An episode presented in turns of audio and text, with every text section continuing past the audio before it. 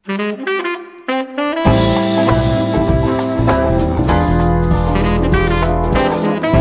თვალი დაკავებული გაქვთ და საკითხავად არ გცალიათ, ან თუ ჩემსავით სათვალეს ვერ პოულობთ, ან და თუ უბრალოდ მოგენატრათ თვალების დახუჭვა და სხვების მიერ მოთხრობილი საინტერესო ამბებისთვის ყურის მიგდება, მაშინ ეს პოდკასტი თქვენთვისაა. გამარჯობა.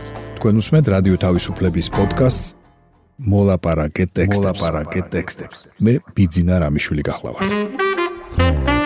აქ მოქმედი პირები არიან ტექსტები, რომლებსაც რადიო თავისუფლების ვებსაიტზე ვარჩევ თქვენთვის კვირაში ერთხელ და მათ მოსათხრობ ამბებად ვაქცევ ხოლმე.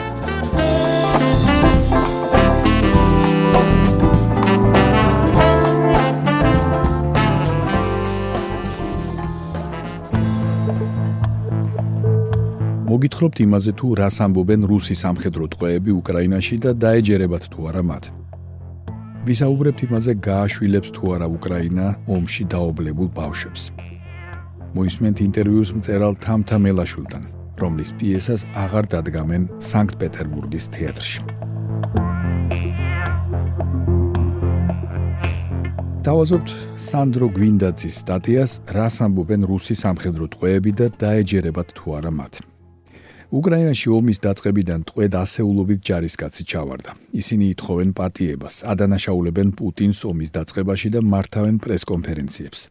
შეიძლება იმიტომ, რომ მათ არაჰუმანურად ეპყრობიან, შიშობენ უფლებადამცველი ორგანიზაციები. სულ ცოტა 562 რუსი ჯარისკაცია დატყვევებული ამჟამად უკრაინის ტერიტორიაზე. განაცხადა უკრაინის ვიცე-პრემიერმა ირინა ვერეშჩუკმა 19 მარტს. პრეზიდენტ ვოლოდიმირ ზელენსკის ინფორმაციით კი რუსი ტყვეების რაოდენობა 4ჯერ მეტია. რუსეთი ომის დასაწყისში აცხადებდა, რომ უკრაინაში მხოლოდ კონტრაქტორი ჯარისკაცები გააგზავნა. თუმცა შემდეგ აღიარა, რომ ასე ვთქვათ, შემთხვევით წვემამდელებიც გაუშვეს. ომის დაწყებიდან თითქმის 4 კვირის თავზე კრემლს დღემდე არაფერი უთქვამს იმაზე, რამდენი რუსი ჯარისკაცი ჩავარდა ტყვედ. ომის მე-11 დღეს უკრაინის ეროვნული უსაფრთხოებისა და თავდაცვის საბჭომ შექმნა საიტი ოკუპანტი. სადაც ქვეყნდება ტყვედაყვანილი რუსი ჯარისკაცების სახელები და საჯარისო ნაწილის ნომრები. ასევე მითითებულია ცხელი ხაზი, რომლის მეშვეობითაც მათ ნათესავებს შეუძლიათ დაუკავშირდნენ უკრაინის თავდაცვის სამინისტროს. ამ დროისთვის 405 რუსი ჯარისკაცია იდენტიფიცირებული. უკრაინის უსაფრთხოების საბჭომ შექმნა ტელეგრამის არხიც, სახელწოდებით ისჩი სვაიხ, ეძებე შენიანები. შემქმნელი უკრაინის შინაგან საქმეთა მინისტრის მრჩეველი ვიქტორ ანდრუსოვი განმარტავს, რომ არხის მიზანია დაეხმაროს დატყვევებული და მოკლული რუსი ჯარისკაცების ნათესავებს მათ პოვნაში. Telegram არხზე პერიოდულად ქვეყნდება ვიდეოები, სადაც რუსი ტყვეები ამბობენ საკუთარ სახელებს და გვარებს, აჩვენებენ საბუთებს, ზოგი ურეკავს ოჯახს და უყვება რომ ტყვედა აღვანილი. მათ ნაწილ სახეზე ჩალურჯებები და იარები აქვთ. წინაკვირაში საერთაშორისო უფლებადამცველმა ორგანიზაციებმა Human Rights Watch-მა და Amnesty International-მა გააკრიტიკეს უკრაინის ხელისუფლება ვიდეოების გამოქვეყნებისთვის. მათი განცხადებით არ არის გამორიცხული რომ რუს ჯარისკაცებს კამერის წინ ჩვენებების მიცემას აიძულებენ. მეტიც, ზოგიერთ ვიდეოში მათ ღიად ამცირებენ და აშინებენ. უფლებადამცველები მოუწოდებენ უკრაინას შეწყვიტოს ვიდეოების გამოქვეყნება.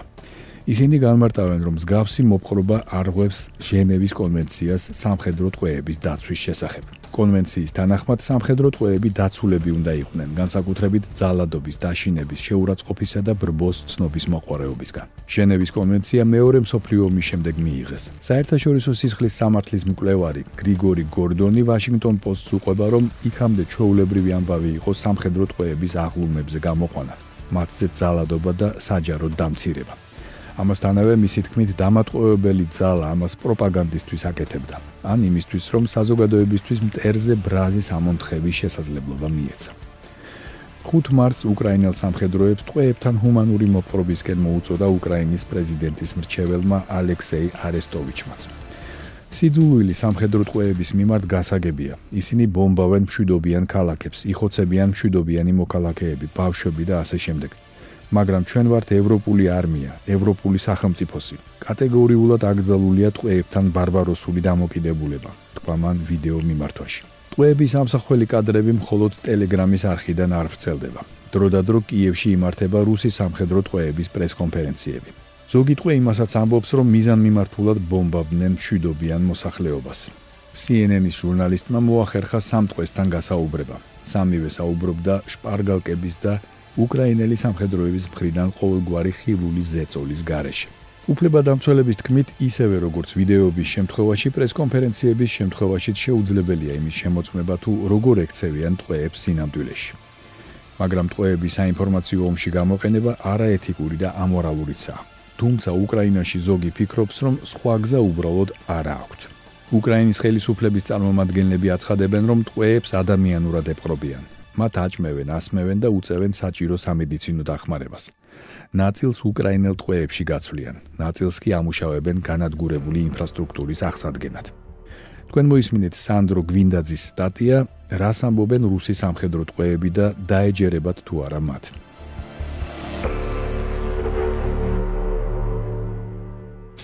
თქვენ უსმენთ პოდკასტს მოლაპარაკე ტექსტებს.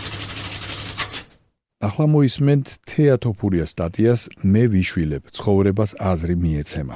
გააშვილებს თუ არა უკრაინა ომში დაობლებულ ბავშვებს. უკრაინის იმ ქალაქებიდან, რომლებიც ცეცხლის ქვეშაა, ობოლი ბავშვების ნაწილი მეზობელ ქვეყნებში უსაფრთხო ადგილას გადაიყვანეს. რამდენად შესაძლებელია მათი საქართველოსში ჩამოყვანა? ობლების შვილად აყვანის სურვილი აქ ასობით ადამიანმა გამოთქვა. მე ვიშვილებ, დამიჯერეთ, ამით ჩემს ცხოვრებას აზრი მიეცემა. ავიყვან ერთ ბავშვს, ძმასავით მეყოლება. სამი შვილი მყავს, მაგრამ მაინც ვიშვილებ. ასეთ პოსტებს წერდა ხალხი Facebook-ზე. უკრაინელი ბავშვების შვილად აყვანა ამ მომენტში შეუძლებელია. ომის გამო უკრაინამ გაშვილების პროცესი დროებით შეაჩერა. ჯერჯერობით არავინ იცის უკრაინის რამდენი მოქალაქე დაიღუპა ომის პერიოდში და რამდენი ბავშვი დარჩა ობლად. ომის შედეგად დაობლებული ბავშვების ბაზის შექმნა მხოლოდ საბრძოლო მოქმედებების დასრულების შემდეგ მოხერხდება. ამის შემდეგ უნდა გაირკვეს ხავს თუ არა ბავშვს ნათესავები, რომლებსაც მისი შვილად აყვანის სურვილი ექნებათ. მხოლოდ მთელი რიგი პროცედურების გავლის მერე გადაწყდება შეიძლება თუ არა კონკრეტული ბავშვის გაშვილება, მით უფრო საზღვარგარეთ. უკრაინის სოციალური პოლიტიკის სამინისტროს მონაცემებით 2021 წლისთვის ქვეყანაში ობოლი და მზრუნველობას მოკლებული ბავშვების რაოდენობა 69000 იყო. უკრაინის სოციალური პოლიტიკის სამინისტროს საიტზე ახლაც დევს გასაშვილებელი ბავშვების პროფაილები. მათ შორის მათიც, რომელთა შვილად აყვანა უკრაინის საზღვრებს მიღმა შეიძლება. მათი უმრავლესობა შშმ პირია. მას შემდეგ რაც რუსეთი უკრაინაში შეიჭრა, ბავშვთა სახლებიდან ბენეფიციარების ევაკუაცია დაიწყო. BBC იტყობინება, რომ მხოლოდ ერთი საქველმოქმედო ორგანიზაციის დახმარებით უკრაინის ბავშვთა სახლებიდან პოლონეთში 2000 ბავშვი გაიყვანეს. საზღვრის გადაკვეთის შემდეგ ობლებს ბავშვთა სახლებში ანაწილებენ. უკრაინის მოქალაქის შვილად აყვანას ისიც ართულებს, რომ უკრაინას ხელი არ აქვს მოწერილი კონვენციაზე ბავშვთა დაცვისა და ბავშვთა საერთაშორისო გაშვილების სფეროში თანამშრომლობის შესახებ. ორგანიზაცია ახალგაზრდა ადვოკატებში აცხადებენ, რომ სახელმწიფოს შეუძლია ბავშვები კი არ გააშვილოს, არამედ დაინტერესებულ ოჯახებს მინდობით აღზრდის უფლება მისცეს. ოღონდ იმ განსხვავებით, რომ ბავშვის მოვლა პატრონობის ხარჯს საკუთარ თავზე ოჯახი იღებს. ამასთან სახელმწიფო შეინარჩუნებს მონიტორინგის ფუნქციას. ეს შესაძლებელი მხოლოდ მას შემდეგ გახდება, რაც უკრაინა ობლად დარჩენილი და გასაშვილებელი ბავშვების ბაზას შექმნის. თავის მხრივ საქართველოსიც უნდა არსებობდეს ბაზა იმ ოჯახებისა, რომლებსაც ასეთი ბავშვების მიღება შეუძლიათ. აღსანიშნავია, რომ ისეთი ოჯახები, სადაც მინდობით აღზრდაში ბავშვის მიცემა შეიძლება, საქართველოსში დეფიციტია. მიუხედავად იმისა, რომ სახელმწიფო ამ სერვისისთვის ოჯახს ყოველთვიურ გასამჯელოს უხდის. გაეროს ბავშვთა ფონდის UNICEF-ის მონაცემებით 24 თებერვლიდან უკრაინას ყოველდღიურად 75000 ბავშვი ტოვებს. მათი ნაწილი მშობლებსა თუ ახლობლებს პოლონეთში, სლოვაკეთში, უნგრეთსა და სხვა ქვეყნებში მიხავთ. ასევე სხვა ქვეყნებში მიხავთ ობოლი ბავშვები ბავშვთა სახლებიდან, მაგრამ არა გაშვილების, არამედ დროებითი თავშესაფრის მიღების მიზნით. ასეთი თავშესაფრის ტოლვილებისთვის შეთავაზება საქართველოსაც შეუძლია, თუმცა ჯერჯერობით ხელისუფლება არც ამაზე ამბობს რამეს. ახლა მთავარია ბავშვები არ იყვნენ იქ, სადაც ბომბები ცვივა. ამისთვის ყველაფერი უნდა გაკეთდეს, მათ შორის ჩვენც უნდა გავაკეთოთ. და კიდევ ერთხელ ვიტყვი, გაშვილება ბავშვზე ზრუნვის ერთადერთი საშუალება სულაც არ არისო. ამბობს ანა აბაშიძე, წარმომადგენელი ორგანიზაციისა პარტნიორობა ადამიანის უფლებებისთვის. თქვენ მოისმინეთ თეატოფურიას. სტატია მე ვიშვილებ. ცხოვრებას აზრი მიეცემა. გააშვილებს თუ არა უკრაინა ომში დაობლებულ ბავშვებს.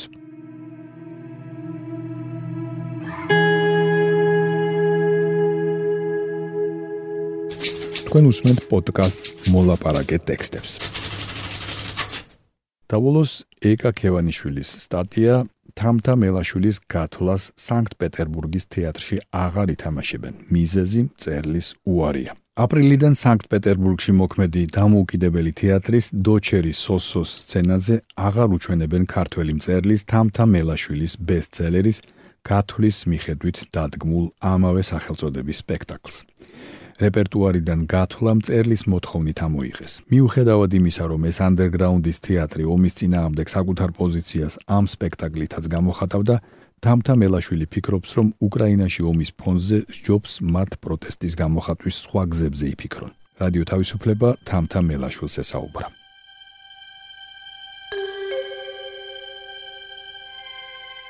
თამთა თეატრის დასი აპრილიდან აღარ ითამაშებს სპექტაკლ გათვლას. ეს მოხდა შენი თხოვნის საფუძველზე. მიზეზი, როგორც ხვდები, არის ომი უკრაინაში.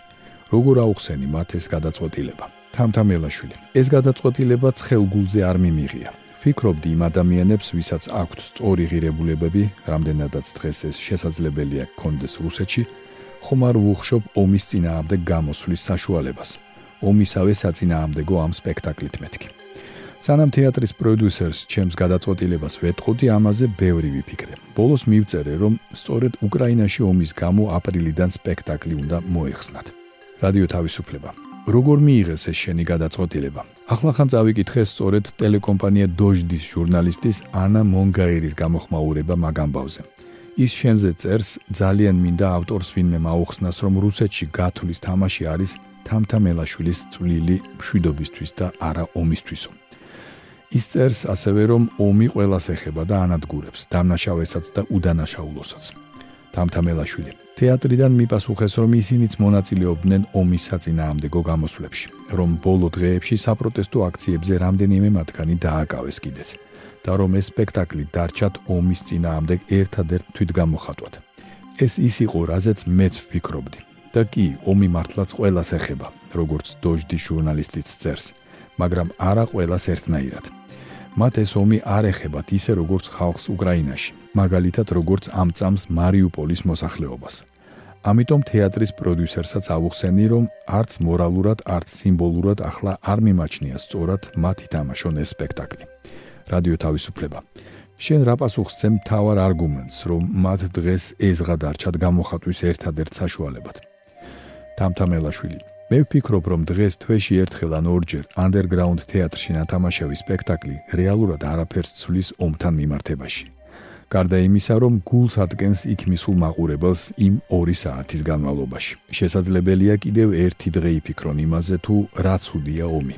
საერთო სურათს ეს არ შეცვლის.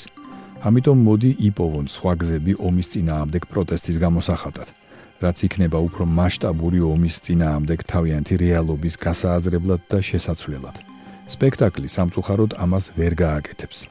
მესმის რომ მათ ქვეყანაში დღეს ცხოვრება არის ძალიან რთული, მაგრამ არსად ისე რთული არ არის ცხოვრება დღეს ყოველ შემთხვევაში დედამიწის ამ ნახევარსფეროში, როგორც არის უკრაინაში.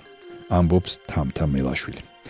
თამთამელაშვილის გათვლის მიხედვით სპექტაკლის პრემიერა სანქტ-პეტერბურგში მოქმედ დამოუკიდებელ თეატრში სახელწოდებით დოჩერის სოსო 2018 წლის შემოდგომაზე გამართა. სპექტაკლი ახალგაზრდა რეჟისორმა ჟენია ბერკოვიჩმა დადგა და საკმაო წარმატებით სარგებლობდა. პანდემიამდე დაგეგმილი იყო მისი ჩვენება თბილისშიც, საერთაშორისო თეატრალური ფესტივალის ფარგლებში. სპექტაკლი ამ დრომდე არც თამთა მელაშვილს უნახავს. ის არც სანქტ-პეტერბურგში წასულა პრემიერაზე და არც მანამდე 2014 წელს დასწრებია მოსკოვის ციგნის ფესტივალს, სადაც მიწეული იყო, როდესაც გათვლა რუსულად ითარგმნა. თქვენ მოისმინეთ ეკა ქევანიშვილის სტატია თამთა მელაშვილის გათვლას სანქტ-პეტერბურგის თეატრში აღარ ითამაშებენ. მიზეზი წერლის უარია. thank you